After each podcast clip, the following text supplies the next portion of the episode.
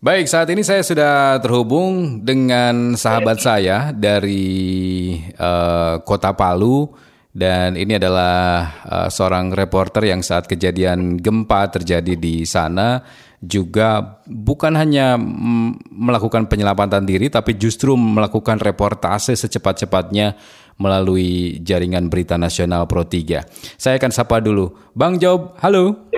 Halo, selamat sore. Ya, selamat malam, selamat malam.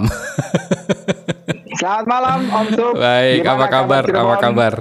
Kabarnya kita lagi biasa aksi rehab rekon, jadi pemberitanya masih bicara tentang tanggap bencana, mm -hmm. terus masyarakat tangguh bencana mm -hmm. sambil ikut dalam aksi rehabilitasi rekonstruksi pasca bencana. Siap, Begitu, siap, luar biasa. Ini lengkapnya adalah Job Beruntukahu, reporter RRI yang ada di uh, Kota Palu ya. Bang, kita akan berbicara mungkin siap. lebih mengkerucut ke Donggala ya, karena Donggala itu pada September 2018, tepatnya tanggal? Tanggal 28 September 28 2018, September 2018 itu kan kena likuifaksi di sana ya. Nah, Uh, likuifaksi ya, ini ya. mungkin bagi sebagian besar masyarakat Indonesia juga pada saat yang bersamaan itu terjadi masih masih terasa asing juga apa sebenarnya itu likuifaksi. Mungkin kalau sekarang mereka sudah mulai paham ya apa itu likuifaksi. Kenal, ya. Tapi kalau Bang Job sendiri me mendefinisikan likuifaksi itu apa ya? Untuk yang saya definisikan ini berdasarkan pengalaman uh, pribadi ketika bencana terjadi sama reportasi gitu Om Tup ya. Hmm. Jadi bu, setelah bencana baru kita dapat pemahaman dari para il, ya, peneliti dan yeah. Badan Geologi Kementerian ESDM. Hmm. Jadi yang pertama sebetulnya kawasan yang kena orang bicara likuifaksi padahal menurut uh, peneliti itu likuefaksi gitu Bang. Oh. Likuefaksi. Likuefaksi. Jadi okay. Iya, hmm. ada kue-kuenya gitu. Uh, uh, uh, uh. Terus uh, sebenarnya kawasan likuifaksi itu bukan di daerah Donggala. Sebagian kecil aja Donggala. Kawasan yang terdampak likuifaksi paling besar itu hmm. uh, di 180 hektar di Kelurahan Petobo, Kecamatan Palu Barat. Itu ibaratnya kayak oh. pemukiman uh, uh, BTN, BTN gitu. Yeah. Warga BTN di Kelurahan Petobo itu uh, 180 hektar, kemudian di Desa Jono Oge, Kabupaten Sigi itu 200 hektar lebih, dan uh mhm. -huh. yang uh, paling berat itu juga di Kelurahan Balaroa, Kecamatan Palu Barat. Itu tiga daerah yang okay. kawasan likuifaksinya terbesar. Dan Kenapa yang mengemukannya di Donggala, Bang? Ya karena pusat gempa itu berada di uh, kedalaman 10 km hmm. daerah Donggala. Oh, oke, oke, Tapi dampaknya okay, okay. lebih yeah, terasa yeah, di iya. Palu dan Kabupaten Sigi. Jadi hmm. infrastruktur yang paling rusak itu sebetulnya Kota Palu sama Kabupaten Sigi. Kalau Donggala ada sih, cuman eh, nggak uh, separah Donggala, separah, eh, nggak separah okay. Jono. Hmm, hmm, hmm. Sigi sama Palu. Sigi. Ya. Kalau bicara likuifaksi itu sekarang orang Palu lebih kenal dengan bahasa Nalodo. Apa itu Nalodo? Nalodo. Nalodo ini bahasa khas orang Palu atau suku Kaili. Kata arti arti sederhananya itu tenggelam, tenggelam oh, dalam lumpur. Oke, okay, oke, okay, oke. Okay. Nah, ini nih iya, Bang Job nih. kalau kita mm -hmm. eh, Ya. Ya, ya. Um, Gimana bang? Ya. Kan kalau kita menganalogikan terjadinya likuefaksi itu, likuefaksi itu ya, ya. Uh, kita mungkin ya. um, membayangkan sebuah kejadian yang tiba-tiba begitu ya, bumi terjerembab dan seterusnya begitu ya. Nah, pada saat itu terjadi, sebenarnya ada nggak sih tempat aman yang yang yang bisa kita uh, cari begitu saat itu terjadi? Nah, ini yang pertanyaan saya waktu kita dialog eh, empat hari setelah bencana terjadi. Kita tanya sama Badan Geologi, ada nggak mitigasi berkaitan dengan kalau gempa kan orang tahu harus lari ke meja. Ya, ya ada waktu ya, ada waktu untuk menyelamatkan itu. Hmm. Kalau tsunami uh, cari tempat yang lebih tinggi, lihat hmm. kondisi pesisir pantai. Hmm. Kalau likuifaksi ini agak susah dijawab sama peneliti karena pernah terjadi eh, liputan saya teman-teman juga hmm. di daerah Balaroa itu hmm. orang kalau uh, gempa itu kan lari ke lapangan terbuka. Iya. Nah di Balaroa itu di Kelurahan Balaroa itu banyak warga yang justru lari ke lapangan terbuka. Hmm. Ada ada satu tempat di Balaroa justru di lapangan terbuka itu yang tanahnya berlumpur seperti di blender begitu. Hmm. Lalu hmm. kemudian banyak warga yang terjerembab masuk ke dalam tanah dan hmm. tertutup tanah kembali dan di lapangan itu sekarang hmm. menjadi menjadi tempat uh, pengubur penguburan massal warga yang terjerembab di tengah lapangan. Hmm. Nah itu yang kadang-kadang kita juga likuifaksi ini apa yang harus dilakukan ketika terjadi likuifaksi. Tapi beberapa penjelasan dan reportasi kami bahwa kalau mulai terjadi uh, gempa yang kekuatannya besar di atas tujuh tujuh mm-hmm. uh, magnitudonya tujuh yeah. koma sekian itu seperti yang terjadi di dua setengah itu baru terjadi likuifaksi. Oh, kalau okay. kalau di, di bawah, di halaman RRI uh. juga ada, hmm, di bawahnya itu kemungkinan kecil likuifaksi. Hmm. Tapi likuifaksi itu kan ada yang yang ada yang membahayakan sebenarnya ada yang tidak gitu kata hmm. kata ahli. Yang mem, yang membahayakan itu yang seperti tanah bergerak lalu kemudian kehilangan kekuatannya hmm. dan uh, berubah menjadi air, cair, menjadi yeah. lumpur, okay. menenggelamkan segala material yang ada di atasnya. Hmm. Bergerak kayak kita lihat di YouTube video itu betul, ada betul, tanah betul. bergerak di yeah. Lepetobo, hmm. rumah bergerak itu digeser itu Nah, itu yang likuifaksi membahayakan. Oke, okay, baik, baik.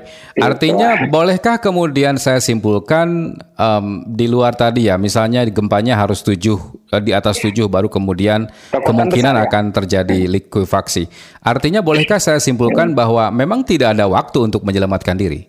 Uh, kalau pengalaman sini sih begitu, yang hmm. di Petobo sama Balaroa hmm. yang kita tanya-tanya itu kondisinya ketika mereka kan uh, gempa bumi dulu, yeah, rumahnya yeah. ambruk gitu, tertimpa mm. di, di tertimpa di antara uh, puing-puing bangunannya. Mm. Nah beberapa saat kemudian sampai hitungan berapa ya katanya itu sampai dua menit tiga menit tiba-tiba mm. tanah berguncang lagi lalu mm. kemudian berputar-putar yeah, berubah yeah, menjadi yeah. lumpur dan menenggelamkan anggota keluarga itu okay, korban-korban okay. jadi hampir nah jadi intinya kalau terjadi gempa yang yang besar itu ya memang harus mengantisipasi gitu bencana hmm, ikutannya. Ini betul, kan likuifaksi itu katanya bencana, bencana ikutannya, bencana ikutannya gitu, gitu ya. Kan. Uh, iya. Artinya kemungkinannya eh, memang itu kan, hmm. pasti akan dimulai dengan gempa dulu begitu ya.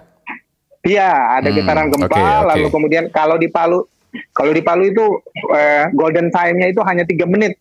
Oh. Nah, kalau biasanya kan biasanya kan 5 sampai sepuluh menit. Betul, betul. Tsunami. Hmm. Hmm uh, likuifaksi kalau di Palu karena gempanya terjadi di uh, Teluk Palu hmm. di dalam Teluk Palu longsoran di Teluk sehingga waktunya itu hanya tiga menit lima menit sehingga sangat cepat. Banyak orang yang masih terpana apa yang terjadi udah datang gelombang udah datang gelombang. iya iya betul uh, betul. Oke. Okay. Bang Job itu getaran Walaupun 2018 saat ini sudah kita ngobrol 2020, mungkin waktu juga sangat panjang, tapi masih ingat nggak kira-kira berapa jumlah korban saat itu yang yang yang terkena likuifaksi itu? Likuifaksi ya, likuifaksi dat datanya sekarang sih uh, minggu yang lalu ini Om Sub hmm, kita hmm. baru saja liputan satu ditemukan satu kerangka tengkorak yang diduga uh, korban dari likuifaksi dari minggu lalu masih masih ada yang ditemukan masih dapat. Jadi oh. kan itu daerah Petobo sama Balaroa mm -hmm. mau diratakan menjadikan kawasan Memorial Park. Mm -hmm. Nah akan ada pembersihan-pembersihan gitu. Yeah. Nah di tengah-tengah pembersihan itu beberapa kali ditemukan kerangka kerangka jenazah mm. korban likuifaksi. Okay. Jadi kalau saya baca tadi data data yang yang muncul di muncul itu bahwa ada 2086 korban meninggal dunia ini gabungan antara gempa tsunami sampai likuifaksi. Okay. Ada 671 korban yang hilang. Tapi untuk likuifaksi sendiri, pengakuan ke uh, warga dan RT di Balarua, Petobo, di sana kan ada sekitar 3.000 anggota anggota warganya, 3.000 yeah, yeah, di Petobo, yeah. 7.000 di lima ribu tujuh ribu kayak kawasan padat penduduk lah gitu katanya. Oh, nah sekarang okay. tinggal berapa jadi kemungkinan masih banyak yang terbenam yang belum ditemukan jadi hmm. datanya ya, ya Ya, contohnya itu yang kemarin masih ditemukan satu, kemudian dua minggu lalu juga masih ditemukan lagi korban-korban yang udah jadi tengkorak kan udah satu tahun lebih. Betul, betul, betul. Jadi sekitar ribuan yang data yang yang terakhir itu 2086 korban meninggal. 2000, Oke, okay. masih banyak ya. Nah, hmm. Bang, um, kalau kemudian coba Bang Job memotret kondisi hari ini seperti apa, Bang? Hmm, aktivitas warga sudah kembali norm apa berangsur-angsur pulih ini Om Sob. Mm-hmm. Yang agak agak trauma sih warga yang kehilangan anggota keluarganya okay. karena gempa bumi, tsunami atau likuifaksi. Mm-hmm. Mereka yang yang agak trauma itu yang tinggal di Huntara, mm-hmm. hunian sementara, baik yang ada di uh, Palu Palu Selatan dan Palu Barat, juga mm-hmm. yang ada di Kabupaten Sigi. Mm-hmm Terus uh, perekonomian sudah cepat pulih satu minggu setelah bencana itu pasarnya udah buka. Udah buka lagi sekarang ya. juga perekonomian. Cuman okay. iya udah. Cuma kalau bicara tanggal 28 itu orang tuh apa gitu. Apa tanggal keramat gitu ya? Tanggal 28. iya jadi ingat. Eh, Terus eh, kalau kalau hari kalau hari Jumat itu uh, hari Jumat agak sore-sore gitu yeah. sebelum azan maghrib berkumandang biasanya uh, psikologis atau kejiwaan warga kota muncul Palu lagi gitu yang ya. kita pantau itu masih uh, iya masih suka benar, itu benar, benar, benar, benar, benar. masih suka yeah. Uh, gitu. Hmm. Jadi kalau ada yang tanya-tanya bagaimana gempa Palu, ya udahlah jangan bicara tentang ya, sudahlah, gempa, jangan diingat-ingat lagi lah gitu ya. Uh. Ya bicara It, tentang ke depannya itu apa it, mau dibuat, itu juga gitu, itu juga Palu. yang sempat saya rasakan beberapa menit lalu sebelum saya menghubungi Bang Job. Saya bilang, saya pikir, iya, wah betul. ini kira-kira Bang Job mau nggak ya saya ajak berbincang soal ini. Oke, okay, Bang, gini, menurut menurut pengamatannya Bang Job nih, um, kejadiannya sudah ya. lama terjadi uh, dan kalau penglihatan Bang Job sendiri terhadap masyarakat yang ada di sana, ya sekitaran Bang Job sendiri, mereka masih menyimpan trauma atau sudah benar-benar biasa saja gitu kembali ke rutinitas biasa? Hmm, sebagian masih bang, uh, hmm, hmm, kalau hmm. kalau yang saya kalau kita kan sering buat feature atau yeah. laporan mendalam yeah, yeah. bicara tentang uh, kondisi psikologis. Okay. Ada beberapa ini teman-teman RRI yang punya anak yang ada waktu tsunami di pantai kan di sana mm. ada acara besar-besaran. Yeah. Nah kalau bisa mereka ke laut itu takut dilihat air tuh takut. Oh, Jadi okay. kalau konsum datang ke Palu, dulunya pesisir Teluk Palu itu rame. Sekarang uh, udah kosong. Kosong ya. Karena udah orang datang di laut gitu. Masih Sebagian takut sih gitu kalau ya? saya eh, tetap pak. Hmm. Malah. Oke oke oke. Sebagian orang juga kalau itu ya kalau kalau pengamatan kami hmm. Yang paling trauma itu yang kehilangan anggota keluarga. Jadi kalau mereka jangan kita tanya bagaimana keadaan waktu itu jangan. jangan. pasti udah itu udah apa berkaca-kaca. Udah jelas berkaca-kaca pasti ya. Iya, ibu bisa kuat untuk berikutnya kira-kira hmm, gitu. Kalau betul, ya, betul. 2018 udah. Lupakan saja sudah ya. Nah, um, iya. dengan kejadian yang yang yang menimpa saudara-saudara kita di Palu dan juga saya tahu termasuk juga keluarga Bang Job ya dan dan dan uh, seterusnya lah tetangga dan seterusnya Sebenarnya warga Palu dan sekitarnya sudah mulai paham gak sih bahwa kita memang berada di satu tempat dengan resiko bencana yang tinggi? Nah itu dia Om Sob.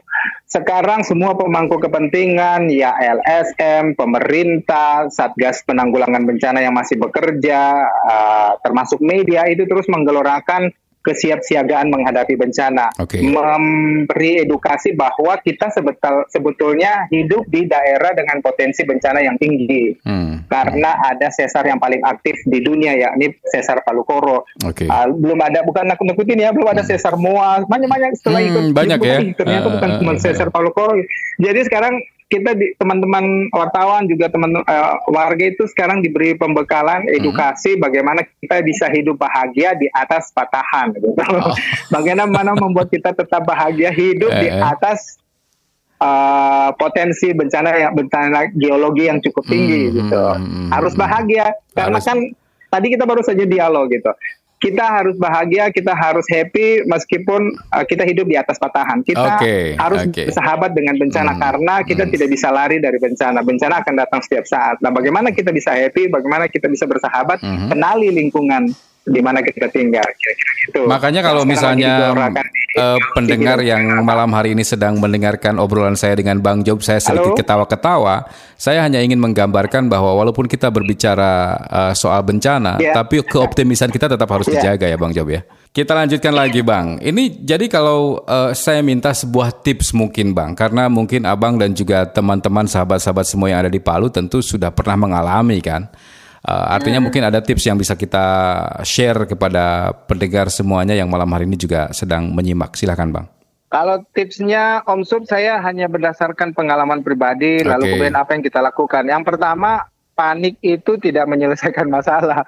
Justru tidak membantu ya. Kita iya, membuat kita bengong, uh lalu uh, potensi kita terkena apa uh, jatuhnya puing-puing atau macam-macam itu hmm. lebih tinggi. Hmm. Jadi kepanikan jangan sampai terjadi gitu ketika okay. terjadi bencana. Memang agak sulit gitu. Waktu hmm. terjadi itu kan saya pribadi tuh uh, langsung kepikiran apa yang harus dilakukan menenangkan diri hmm. gitu. Lalu kemudian berpikir uh, ke mana pintu keluar, ke mana apa yang harus dihindari. Jadi kita perlu mengenali ke, di mana kita berada pada okay. waktu okay. Uh, bencana itu terjadi. Misalnya kalau saya ada di ruangan, di mana pintu keluarnya, hmm. kemudian sebelah kaca-kacanya di mana kira-kira gitu. Kalau hmm. di rumah saya, di rumah saya sekarang Om Sup hmm. agak ku kurang sekarang peralatan yang terbuat dari kaca Om Sup. Oh, di dikurangi memang begitu ya? Iya, misalnya piring-piring sekarang lebih banyak yang yang yang tidak mudah pecah gitu. Oh, ini ilmu nih, ilmu iya, buat saya nih kalau yang gitu. Yang pecah kan udah banyak yang hancur. Benar, benar. Iya, iya, iya, iya. Terus sekarang uh, penataan di rumah itu mm -hmm. istri saya itu lebih lebih suka menaruh benda-benda yang berat itu di bawah. Okay. Kalau dulu kan mm-hmm. koper-koper yang berisi pakaian itu di atas. Di atas gitu ya. Di atas lemari. Uh, Pas jatuh kemu ya itu menimpa kita, kita kan kemungkinan ah, jadi uh. benar menata rumah kita supaya lebih aman gitu. Okay. Lalu uh, kita perlu uh, di handphone sekarang saya ini ada PMI, ada mm -hmm. nomor kontaknya PMI. Mm -hmm ada nomor kontaknya teman relawan, ada nomor kontaknya kepolisian, ada nomor oh, kontaknya okay. BPBD hmm, biar kita hmm, hmm. cari rumah sakit itu pasti ada. Okay, uh, okay, warga okay. Palu juga kayaknya dihimbau untuk mengisi handphonenya, mengisi handphonenya dengan nomor-nomor penting ya. Ya kontak-kontak hmm, yang penting hmm. kalau terjadi sesuatu gitu. Wah. Terus uh, hmm. ada di di mobil saya sekarang ada tas tas tas siaga bencana Om hmm, wah keren. tas ya tasnya jadi, itu lebih isinya siaga ya. Hmm. Isinya berkas, hmm. terus pakaian, hmm. sarung, hmm. sama obat-obatan P3K. Itu oh, kalau okay. kalau saya mau keluar kota pasti tas itu ada. Atau uh, biasanya diisi di mobil gitu. Jadi sewaktu-waktu apa gitu ada. Hmm. Sama biskuit-biskuit dan air mineral pasti tersedia di tas tas siaga bencana saya mengikuti instruksi dari BPD, BPBD Om. Ya, iya, iya. lebih kayak, lebih siaga gitu. bencana lah begitu ya. Iya, semua harus hmm, terencana hmm, kayaknya. Dan hmm, hmm. sekarang masyarakat Palu juga uh, program kentongan sekarang menjadi program favorit oh, di Palu okay, karena okay. orang tuh dengar uh, bencana ini memang luar biasa. Kata kata kepala Bapeda tadi dialog, hmm. bencana membawa membawa hikmah gitu. baik, hmm, baik, benar, baik. Hmm, gitu. Bang Job, terima kasih sekali waktunya. Saya yakin perbincangan singkat ini akan jadi ilmu, paling tidak ilmu buat saya nih. Tadi, oh, rupanya betul ya, jadi lebih siaga bencana, lebih menyiapkan kayak nomor-nomor handphone penting nah, di dalam ya. handphone kita begitu ya, dan seterusnya. Jangan lupa dengerin RRI dan dengerin podcast Oh pasti bencana. harus itu. Biar dapat edukasi. siap siap. Oke Om Terima, Terima kasih Bang Job. Salam buat teman-teman yang ada ya. di sana dan juga keluarga ya. ya. Selamat malam. Doakan Bang untuk Job. aksi rehab rekon kita kita di sini ya. Siap siap. amin amin amin. Siap. Selamat malam ya. Bang Job. Selamat malam Bang Job. Ya. Baik.